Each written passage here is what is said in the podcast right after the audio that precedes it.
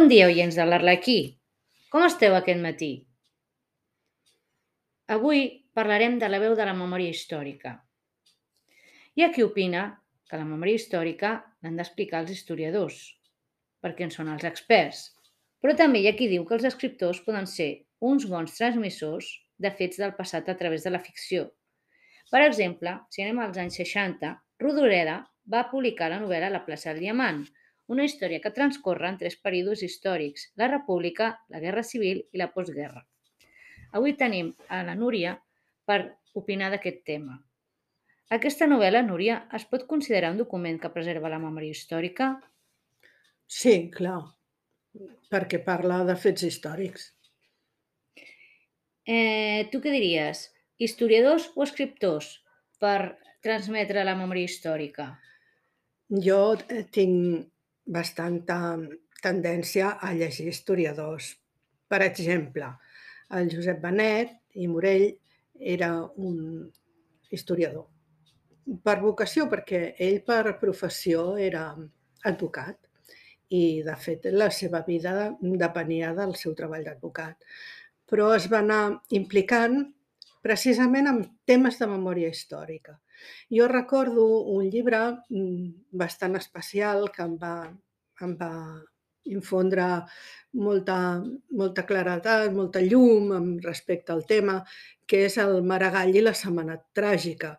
Eh, Benet aquí, en aquest llibre, mm, recupera la memòria històrica d'uns moments molt durs per Catalunya mm, i on van intervenir moltes persones i entre elles una de les que va intervenir va ser el, el poeta Maragall i, i van ajudar pues, també a que els fets doncs, es tornessin a tranquil·litzar, per dir-ho d'alguna manera, perquè les tensions socials hi eren igualment, però es havien portat a un extrem doncs, que, que creaven molta inquietud. I, I crec que la seva tasca històrica mm, és fonamental a Catalunya i també a Espanya per entendre moltes coses. Però no creus que els escriptors també poden ser uns bons transmissors dels fets del passat?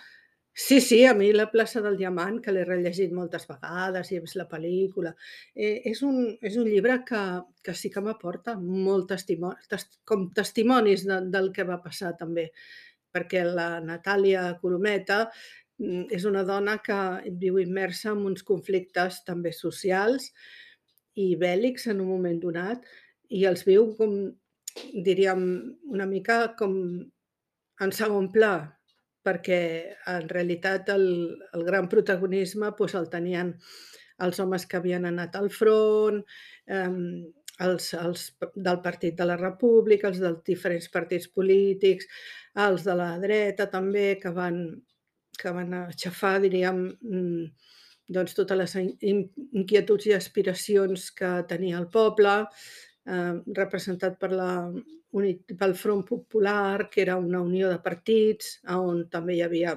partits doncs, de dretes, també, eh, no molts, però hi havia, i, i bueno, aquest Front Popular doncs, no, no va poder aixecar el cap perquè hi va haver doncs, el cop d'estat, la Guerra Civil, i tot això doncs, ho explica molt bé la Mercè i ho explica des de, des de l'òptica d'una noia que primer és molt jove i molt inexperta i amb una societat doncs, molt patriarcal.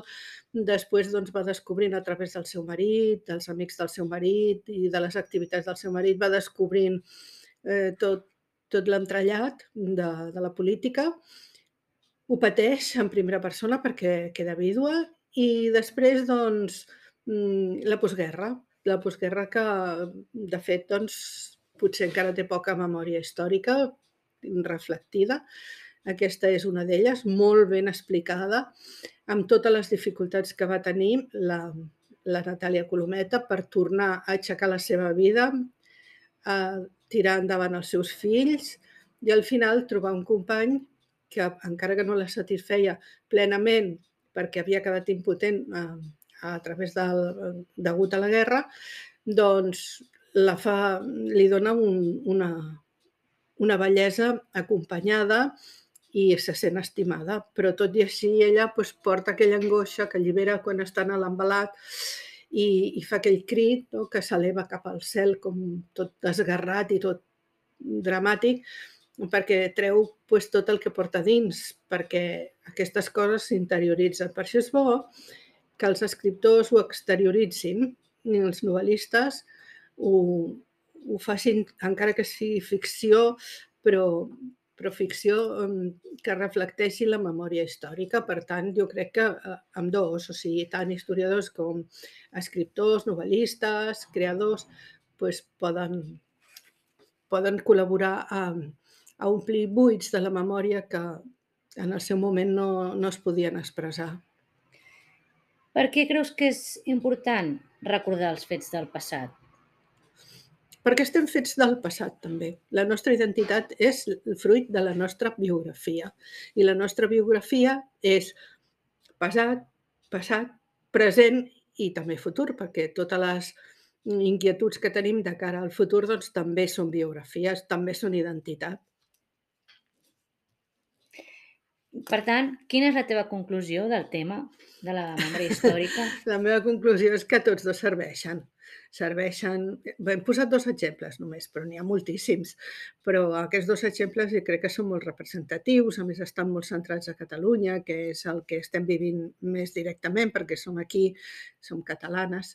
I, de fet, doncs, mm, crec que, que tots dos són importants. Totes les visions aquestes són importants i, i contribueixen. Podríem afegir aquí la, la visió periodística, però, però no és el tema d'avui. Potser podria ser un tema d'un altre dia. Moltes gràcies, Núria, per haver vingut i a vosaltres, oient, fins la propera, que ja serà parlar d'una obra de teatre. Molt bon dia i que tingueu un dia bonic.